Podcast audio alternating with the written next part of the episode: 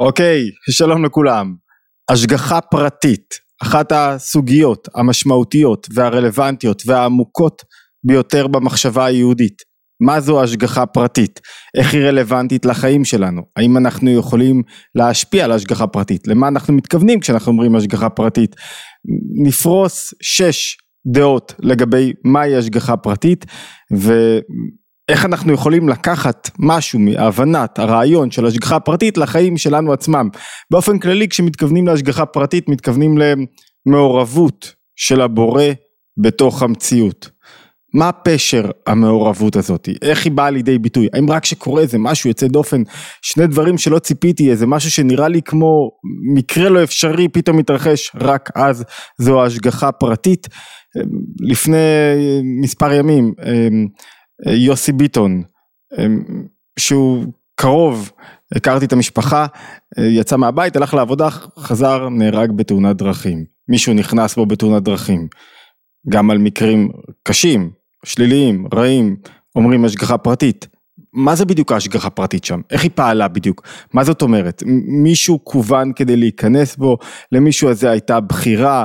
האם ההשגחה פרטית, הבורא פעל דרך הרכב של המישהו הזה?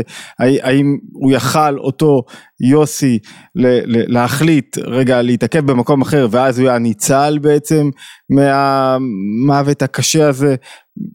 נקדיש אולי את הלימוד הזה לעילוי נשמתו של אה, יוסי ביטון. אז מה זה בכלל השגחה פרטית ואיך אפשר להבין אותה? זאת אומרת השאלה באופן כללי זה איך הבורא מעורב בתוך החיים האלו היומיומיים ועל מה בעצם מושגח כאן והאם יש הבדל בין השגחה פרטית על בעלי חיים, על הצומח, על הדומם, על החי, על המדבר, איזה סוג מדבר, האם יש השגחה פרטית שונה על אנשים שעושים דברים טובים, יותר צדיקים ואנשים אחרים, בואו נתחיל להבין דעות שונות בהשגחה פרטית. לצורך ההבנה הזאת אני רוצה שנלמד היום קצת יותר אמ, לעומק את מורה הנבוכים. מורה נבוכים, אה, אה, הרמב"ם כמובן, חלק ג', י"ז, מקורות יעלו לאתר התבוננות כרגיל ולפני שמתחילים מזמין אתכם להירשם לערוץ התבוננות ולהצטרף לקבוצות הוואטסאפ אם אתם רוצים לקבל עדכונים לא רק דרך יוטיוב לגבי הסרטונים שעולים. אוקיי, ככה מתחיל המורה נבוכים, אומר בחלק השלישי כך, דעותיהם של בני האדם על ההשגחה הן חמש, הוא מונה חמש דעות, אנחנו נוסיף דעה נוספת, דעה שישית של הבעל שם טוב, שלאחר לאחר מכן נאמת אותה או ננסה לבחון אותה לאור הדעות, אה, הדעה הנבחרת של הרמב"ם. אומר ככה הרמב"ם, כולם קדומות, כלומר כל הדעות נשמעו כבר בימי, מימי נביאים, זאת אומרת זו סוגיה שהעסיקה בני אדם, מאז ומקדם, שאלו את עצמם מה הקשר בין הקדוש ברוך הוא לבין העולם, אה, איך הקשר הזה בא לידי ביטוי, איפה הבורא מתערב בתוך העולם? ואיך הוא מתערב בתוך העולם. נגיד, אם אתה לא מאמין שיש בורא, אוקיי, שאלת השגחה פרטית בכלל לא רלוונטית לחייך. אבל אם אתה מאמין שיש בורא שברא את הבריאה הזאתי, עכשיו, אחרי שהוא ברא, איך הוא מתערב בתוכה? מה, מה הוא יצר סדרה של מכניזם, חוקים, שבעצם העולם הזה פועל באופן עצמאי ו... והוא מה, מסתכל שם מלמעלה, איך זה עובד. אומר ככה, בואו נתחיל עם הרמב"ם לפי הדעות שהוא שוטח. הדעה הראשונה היא טענתו של מי שטען, זה יפה לקרוא את לשונו למרות שיש תרגומים שונים, אנחנו כאן בתרגום של אה, אה, שוורץ מאוניברסיטת תל אביב, זה, זה גם יצא אני חושב התרגום הזה בהוצאת אוניברסיטת תל אביב. הדעה הראשונה היא טענתו של פרופסור שוורץ, היא טענתו של מי שטען שאין השגחה כלל על שום דבר בכל המציאות הזאת. ושכל מה שיש בה, השמיים וזולתם, קורה במקרה, ועל פי ההכנה.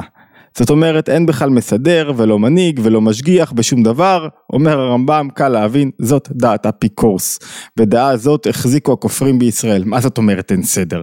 מה זאת אומרת אין מעורבות? מה זאת אומרת אין, אין בורא נוכח בתוך העולם? זאת אומרת אותו אדם שמאמין בדעה הזאת שאין בורא נוכח שמשפיע על ההתהוות של הדברים שהוא, שהוא, שהוא גוזר, שהוא פועל, אומר יכול להיות שיש בורא שברא את הבריאה, אבל זהו מרגע שברא את הבריאה עזב את הבריאה לפי סדר מסוים, לפי הכנה מסוימת, לפי חוקים טבעיים ונפשיים מסוימים שפועלים כאן והוא לא מתערב יותר בחוקים הללו.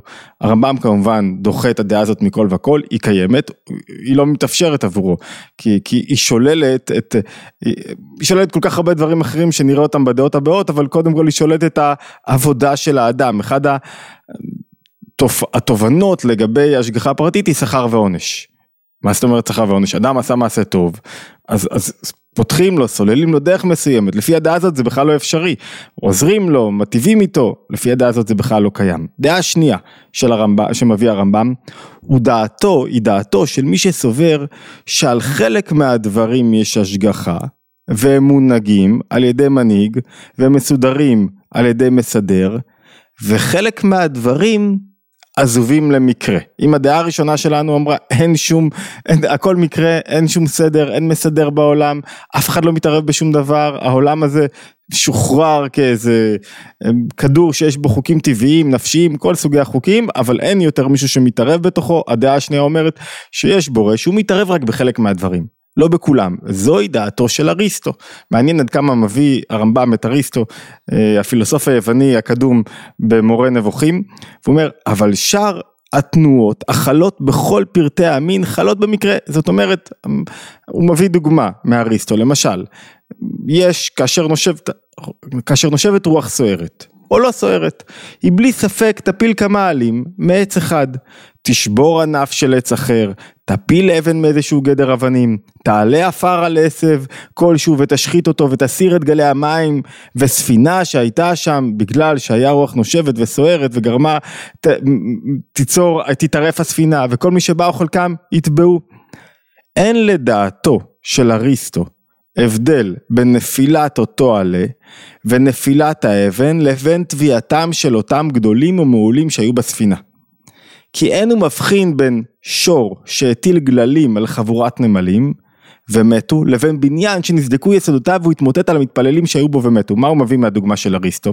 יש מצבים שבעצם בבריאה, שבו הקדוש ברוך הוא יצר, הבורא יצר אה, סדר מסוים, בסדר הזה הוא מנהיג את העולם. ויש מצבים שהם כאילו חורגים מהסדר הזה, קרה משהו, בחריגות מהדברים הללו, דברים קורים ואין שום שליטה עליהם. ואין הבדל אם זה משהו קטן או גדול, משהו קטן או גדול שקרה בין אם מתו נמלים או מתו אנשים חשובים זה מאוד סובייקטיבי, זה תלוי באדם עצמו, אבל, אבל אין פה מישהו שמתערב ועושה את ההבדל. בסיכום עיקר דעתו הוא שעל כל מה שהוא רואה נוהג בעקיבות הוא מנהג, מה שחוזר על עצמו, אז על זה יש השגחה פרטית. ואילו מה שהוא לא בתוך סדר, על זה, זה לא בהנהגה ואין עליו השגחה פרטית.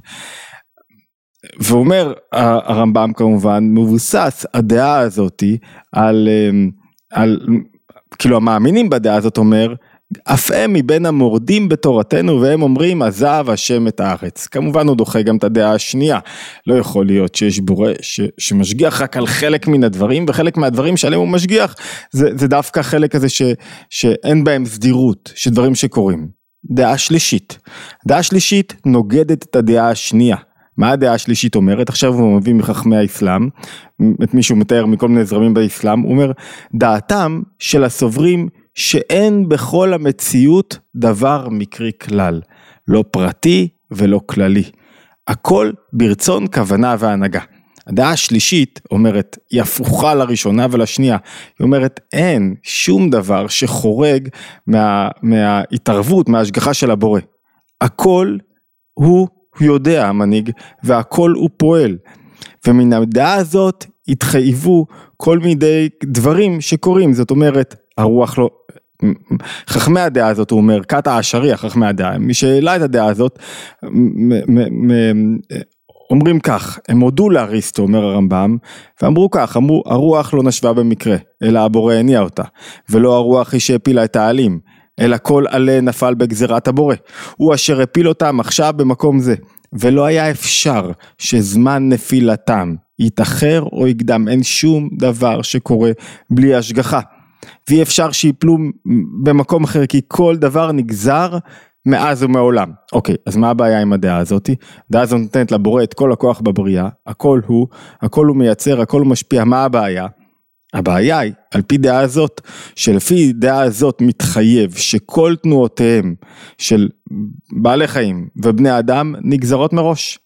ולאדם אין שום יכולת לעשות או לא לעשות דבר. זאת אומרת, הבחירה של האדם לא משנה את ההשגחה הפרטית, לא יוצרת שום השפעה על הטבע. הדברים קורים, אתה לא יכול לדעת למה הם קורים. כל הדברים הם או מחויבים, אומר הרמב"ם, או מן הנמנעים. זאת אומרת, או שהבורא החליט לעשות אותם, או שהוא לא עשה אותם, אבל אין, אין, אין למעשה שלך שום השפעה. ומן הדעה הזאת התחייב גם שעניין המצוות, אומר מה הבעיה הגדולה, הרמב"ם מסביר עם הדעה השלישית. עניין המצוות לא מועיל דבר. כי האדם אשר בא אליו כל מצווה, אינו יכול לעשות דבר. לא לקיים, לא להימנע, הוא לא משפיע על המציאות. אין לו, אין לו שום דבר. מן הדעה הזאת גם מתחייב שלמעשיו של הבורא אין תכלית. כי אם לאדם אין בחירה, אם אין לו, הוא לא יכול לבחור, אז הוא לא יכול לממש את תכלית בריאתו. אם האדם הוא אוטומט של הבורא, והכל נגזר עליו, ואין לו את זכות הבחירה, אז גם אין תכלית למעשיו של האדם, כי הוא אוטומט, כי הוא עושה בדיוק מה שצריכים ממנו. אם אין לך בחירה, אז אתה גם לא יכול לממש תכלית מסוימת. כל התכלית מתממשת כשהאדם מבטא את הבחירה שלו, כשהוא מביא לידי ביטוי את הבחירה שלו. אה, בחרת נכון יופי, בחרת לא נכון פחות יופי, אבל חייבת להיות לך את הבחירה. אז הרמב"ם דוחה את הדעה הזאת, שהבורא מנהיג את כל דבר במציאות, אבל לא נותן זכות הבחירה לאדם. כי אם הבחירה לא ניתנה לאדם, ואם מעשיו לא קובעים שום דבר, אז אין שום ערך לבריאה הזאת. ו- ו- והכל אבסורד כאן. ואז הוא אומר, זה יותר מאשר, הוא אומר, כך חפץ הבורא. וכאשר אנחנו רואים אדם מעולה, ירא שמיים, שנהרג בייסורים, אנחנו אומרים, כך חפץ הבורא. מה זאת כך חפץ הבורא? אנחנו רואים אדם שנולד עיוור או מצורע.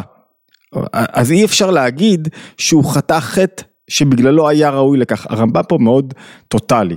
הוא אומר, על פי הדעה הזאת, אם מישהו חווה ייסורים, אז אי אפשר להגיד שהבורא ייסר אותו, או גמל לו טוב, עם מישהו שגומלים לו טוב, אי אפשר להגיד את זה. כי ככה הבורא החליט. הדעה השלישית לא מתירה מקום למעשיו של האדם, וזו בעיה גדולה. למה? כי היא שוללת את כל עניין הבחירה, את כל עניין השינוי, את זה שהכל בידיו של האדם. זאת אומרת, הדעה השלישית נותנת את כל הכוח להשגחה פרטית לבורא, לא משאירה לאדם שום אפשרות בחירה, שום אפשרות שינוי על ידי מעשיו של מה שקורה, ואם משהו נגזר עליו, ככה היה צריך להיגזר עליו.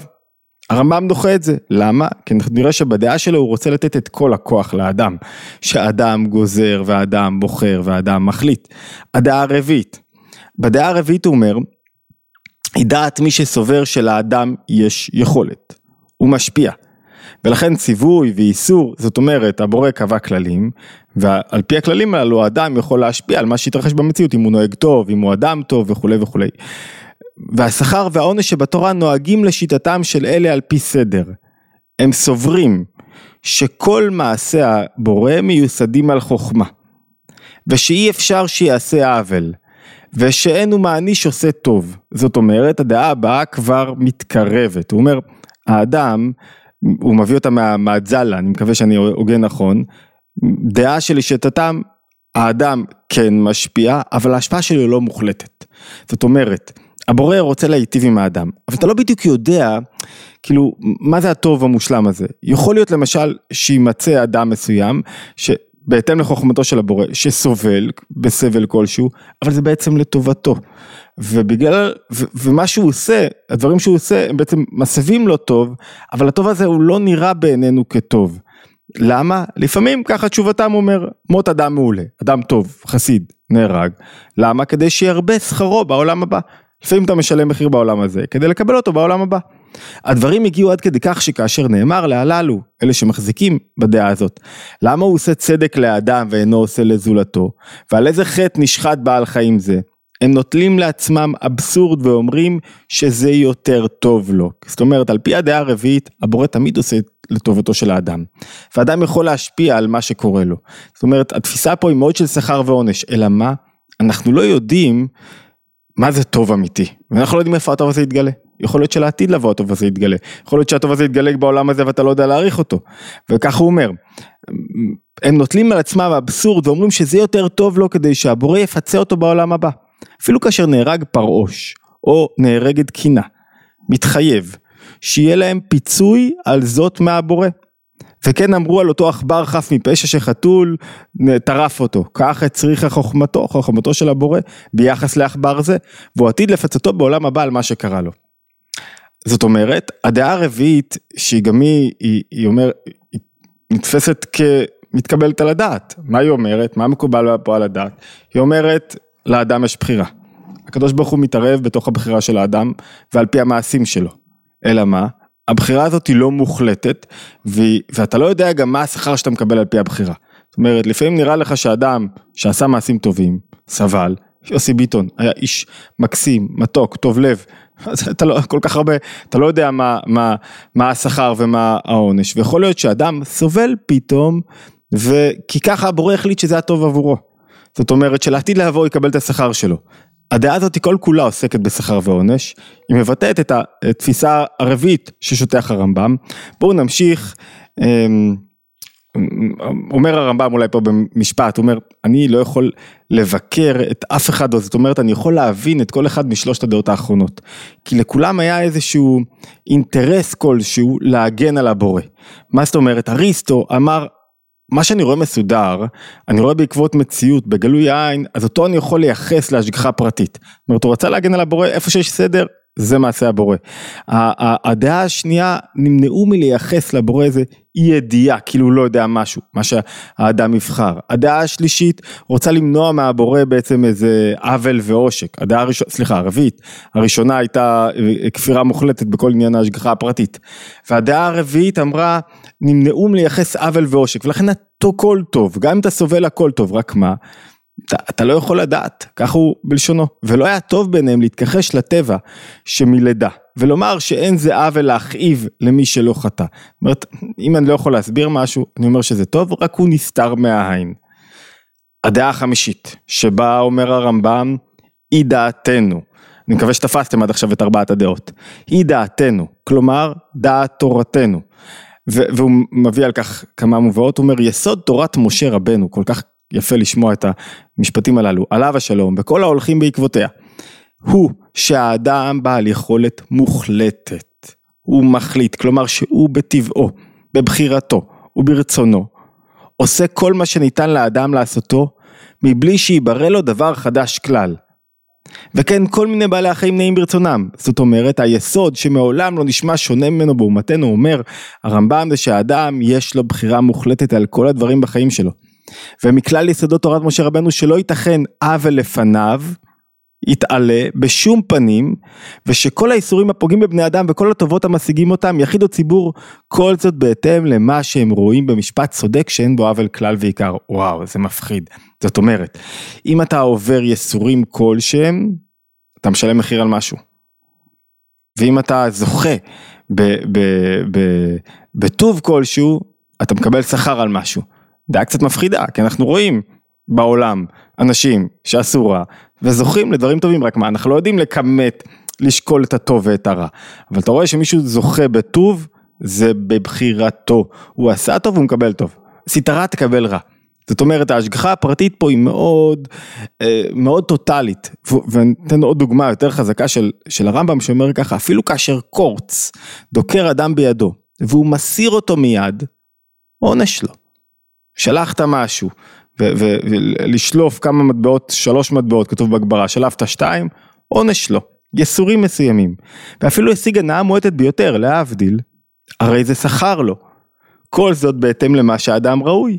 אבל אנחנו יודעים מאיזה בחינה הם רואים. אתה, אתה לא יודע איך למדוד את האופן שבו האדם ראוי לשכר, להנאה, לעומת יסורים. אתה לא יודע למדוד את זה. אבל הוא אומר שיש דרך מדידה כזאת, וכל מה שאתה עושה אחרת אין טעם בכל תכלית הבריאה. כל בחירה נכונה שלך מזכה אותך בשכר. הנה סיכמתי לך את הדעות הללו. ואז הוא מסכם את הדעות הללו ואומר, ואנו סוברים שזה מתאים למה שראוי לו האדם לפי מעשיו. אתה מקבל לפי מעשיך. וכן רואים אפשרות שהבורא ייסר איש מעולה וטוב בעולם הזה ויושיבו לנצח באותה אש שאומרים שיש בעולם הבא ואומרים כך חפץ הבורא זה לא שייך לתפיסה היהודית. המצבים האנושיים האלה הם בהתאם, עוד כמה משפטים מלשונו של הרמב"ם שהיא כל כך חזקה, למה שכל אדם ואדם ראוי לו. והוא נעלה מלעשות עוול. הוא איננו מעניש אלא את מי מבינינו שראוי לעונש. זה מה שתורת משה רבנו אומרת במפורש, שהכל הוא בהתאם למה שכל אדם ואדם ראוי לו. שמוצא עתה אומרים ברורות, אין מיתה בלא חטא ואין יסורין בלא עוון. והם אמרו במידה שאדם מודד, מודדים לו. זאת אומרת האדם, זה, זה חלק משיטת, השיטה הרציונלית של הרמב"ם, שהכל הולך על פי השכל, האדם בוחר בכל דרך ודרך ובכל רגע ורגע, ולפי המעשים שלו, ככה השכר שלו וככה החיים שלו. זאת אומרת, אם העבודה שלו בתחום הגופני, הוא, הוא עובד על עצמו לשהיות בריא, הוא יהיה בריא, הוא עובד על עצמו בתחום הנפשי, הוא יהיה, הוא, הוא יהיה בריא נפשית, והוא עובד על עצמו בתחום הנעלה יותר, הרוחני יותר, להיות אדם קרוב יותר לבורו, הוא יהיה אדם קרוב יותר לבורו, ואם הוא עובד להפך ומזניח את עצמו, הוא ישלם את המחירים. זאת אומרת, המשוואה מאוד ברורה, ההשגחה הפרטית פה מאוד הולכת אחר האדם. ואז מוסיף הרמב"ם עוד איזה הערה, הוא אומר, הופיע משהו שלא מופיע בגוף תורה, דבר חזק בדברי חכמים, דבר חדש, שחלקם אמרו יסורים של אהבה. יש דבר כזה ישורים של אהבה שהקדוש ברוך הוא אוהב אותך ולכן הוא מייסר אותך. לפי דעה זאת יש שפוגעים באדם פגעים לא בגלל חטא שקדם, אלא כדי שירבה שכרו, זאת אומרת יש יסורים שהם קצת כמו ניסיון, כדי לעורר אותך, להוציא ממך יותר את הכוחות. זאת אומרת זה לא כתוב בתורה, זה מאוחר יותר, יש כזה דבר, זאת אומרת שבעצם הסבל הוא לא סבל אמיתי, הוא קצת כמו שאני יוצא לספורט. יוצא לספורט, זה שאני, קשה לי עכשיו, לרוץ ולהתאמץ, זה לא עונש, וואו, זה לא עונש, אני אסתכל על הזמן פשוט בללמוד את הרמב"ם, אלא זה שאני, השרירים שלי עכשיו מתמתחים, אז, אז קשה וכואב, זה חלק משלבי התפתחות ושלבי צמיחה. לכן הוא אומר הרמב"ם, שגם כשמישהו סובל יסורים של אהבה, זה כדי שהוא יגלה יותר כוחות ויצמח יותר ויתפתח יותר. והוא מוסיף עוד דבר אחד, כל מה שאמרתי לפניכם עד עכשיו על השיטה החמישית, בניגוד לארבע השיטות האחרות, נכון רק לגבי בני האדם. הנעלים יותר, כלומר מה שמתחת לגלגל הירח, בפרטי מין האדם. כל מה שנוגע לבעלי חיים, הצמחים וזולתם, דעתי עליהם הוא אומר, כדעת אריסטו. אין אני מאמין בשום אופן שעלה מסוים נשר בהשגחה עליו, ולא שהעכביש זה טרף זבוב זה בגזירת הבורא. ורצונו הפרטי עכשיו, זה לא שהבורא רצה שהעכביש יהיה טוב, ולא שהיריקה שירק ראובן נעה עד שפגע ביתוש זה במקום מסוים והרגה אותו על פי גזירה. ולא שכאשר דג זה חוטף תולעת, זאת הוא משטח פני המים, זה בחפץ הבורא הפרטי. כל זה לדעתי במקרה לחלוטין, כמו שסובר אריסטו. הוא עכשיו ממשיך להסביר איך הוא יוצר את ההפרדה הזאת בין האדם לבין בעלי החיים. על האדם יש השגחה פרטית לפי כל מעשיו. על בעלי החיים אין השגחה פרטית על פי כל מעשיהם. זה מקרה, זה חלק מהדברים ש, שמתאימים את עצמם, יש לו השגחה, מה שהוא קורא לה השגחה מינית, על כל, על כל המין כולו, על כל ה... זאת אומרת, הוא קבע שמשהו מסוים יקרה. דברים קורים, הוא לא משגיח באופן פרטי על כל דבר ודבר. כאן אולי אנחנו נוסיף עוד פסקה אחת מהרמב"ם לפני שנעבור לבעל שם טוב. הוא אומר, אבן את דעתי אדום, תבינו אותי אדום, כי אין אני מאמין שאיזה דבר נסתר ממנו, אין משהו נסתר מהבורא, ואיני מייחס לו אין אונים, אלא מאמין אני שההשגחה הולכת בעקבות השכל וצמודה אליו, שהרי ההשגחה באה ממישהו משכיל ושכל מושלם בשלמות שאין אחרי השלמות, וכל מי שמדבק בו דבר מאותו שפע, לפי מידת השכל המגיעה אליו, מה שמגיע אליו מן ההשגחה. מה זאת אומרת, מה הוא אמר פה במשפט הזה? הוא אמר, ההשגחה היא, הבורא פועל עם אנשים באופן שכלי, ומה שלא פועל באופן שכלי, אין השגחה מלאה עליו. רק מה שפועל באופן שכלי, ולכן אם משהו מסוים לא פועל באופן שכלי, אין השגחה מלאה. אוקיי, עד כאן נקטנו ב...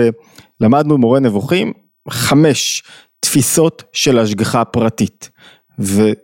הקפנו בעיגול, סימלנו את ההשכחה המעולה ביותר שאותה מציין הרמב"ם לגבי המחשבה היהודית, מהי ההשגחה שלה, שמה? הכל בידיים שלך, יש כזה דבר טוב מוחלט, יש אה, אה, יותר מאשר טוב מוחלט, יש שכר שהוא נכון בעבור כל מה שאתה עושה, ויש הפך השכר, זה, זה, זה, זה התפיסה של הרמב"ם לגבי השגחה פרטית. הבעל שם טוב, אחרי הרמב"ם, 600 ומשהו שנה אחרי הרמב"ם, משנה תפיסת ההשגחה הפרטית. קודם כל יש השגחה פרטית לא רק מינית ולא לא על בעלי, לא רק על בני אדם בניגוד לבעלי חיים, אלא השגחה, השגחה פרטית היא על כל דבר ודבר, כך הוא אומר הבעל שם טוב, השגחה פרטית בכל פרט ופרט ממאורעות האדם, וגם דומם, וגם צומח, וגם חי. למה? כי מה זה השגחה פרטית? עד עכשיו תפסנו השגחה פרטית, עכשיו זה הגיע הזמן להתרכז קצת. עד עכשיו תפסנו השגחה פרטית כשכר ועונש. עשית משהו מסוים, אתה מקבל את ההתערבות של הבורא על פי מה שעשית. האם עד כמה הבורא מתערב, עד כמה אכפת לו מכל המעשים שלך, זה היה חלק מהמחלוקת לגבי אה, סוגי ההשגחה הפרטית שפרס הרמב"ם. לעומת זאת, אומר הבעל שם טוב, ההשגחה הפרטית היא על כל דבר, על הלם מתנופף ברוח, בוודאי שאם תולעת נהרגה, אם משהו קרה, הכל קשור להשגחה פרטית. והוא אומר ככה, עניין ההשגחה הפרטית שמבאר מורנו הבעל שם טוב, לא זו בלבד שכל פרטי תנועות הנבראים למיניהם הם מהשגחה פרטית מהבורא יתברך, השגחה פרטית על הזו היא חיות הנברא וקיומו. זאת אומרת, ההשגחה הפרטית פה לא מפרידה בין התאוות לבין אה, אופני החיים של האדם. מה זה בעצם ההשגחה הפרטית, אומר הבעל שם טוב? זה החיות של האדם, שהוא מחיה אותך. אם הוא נמצא בכל מקום, אם הוא מואבה כל דבר, בכל רגע ורגע, אז ממילא יש השגחה פרטית על כל דבר. מה זה השגחה פרטית? זה החיות שהוא נותן, זה לא שכר וזה לא עונש, זה החיות שהוא מעניק לכל דבר. ואתה כאילו, מה שעולה פה, זה שיש באדם פנימה חיות אלוקית שמחזיקה אותו בכל רגע ורגע, והחיות הזאת נמצאת בכל דבר. ויותר מזה, אלא כל תנועה פרטית של נברא, אין שום דבר בעולם שקורה שאין לה יחס כללי לכללות כוונת הבריאה. זאת אומרת, כל הדברים שקורים בעולם מאוחדים ביחס לכללות כוונת הבריאה, שמהי כוונת הבריאה? שלגלות את אור הבורא בתוך העולם ו- ו- וזה נעשה על ידי הפעולות של האדם וכל תנועה אחת של דשא פרטי משלים הכוונה העליונה בעניין הבריאה. זאת אומרת כל הדברים קשורים זה בזה. מה אומר הבעל שם טוב? הוא אומר ככה כמה דברים ששונים ממה שאומר אה, הרמב"ם, הוא לא, לא חולק על זה שהכל בידיו של האדם ויש לו בחירה, אבל הוא מרחיב את עניין ההשגחה על כל דבר נברא, נברא דומם צומח חי מדבר, והוא אומר אין דבר, אין השגחה פרטית על, אה, על מה שקרה לי היום, מה שקרה בתל אביב, מה שקרה באילת, מה שקורה בחו"ל, לא, זה לא שהשגחה פרטית שיש איזה בורא שיש לו מלא צגים, ואז הוא אה, בוחר להחליט מה קורה בכל מקום. כל מה שקורה בכל מקום קשור זה בזה, והוא חלק מהכוונה הכללית של מימוש כוונת הבריאה, הוא חלק מיחס כללי לכללות כוונת הבריאה. מה זה אומר בפועל? זה אומר שהאדם מתהלך עם חיות אלוקית בתוכו, עצומה, שזה מקור החיים שלו, זה השגחה פרטית, והוא יכול להשתמש באחריות האלוקית הזאת, יש לו בחירה איך להשתמש באחריות האלוקית הזאת, ואיך לגלות אותה בתוך העולם. ולכן השגחה פרטית על פי הבעל שם טוב מאבדת קצת מה, מה, מה, אה, מהשימוש הרווח שלה, בטח מהשימוש הרמב"מי. היא אומרת, בכל דבר יש השגחה פרטית. כל תנועה, כל נשימה, כל, כל, כל, כל דבר, כל התהוות. עכשיו מה, אתה צריך להרגיש את זה. לחוש את ההשגחה הפרטית בכל רגע ורגע.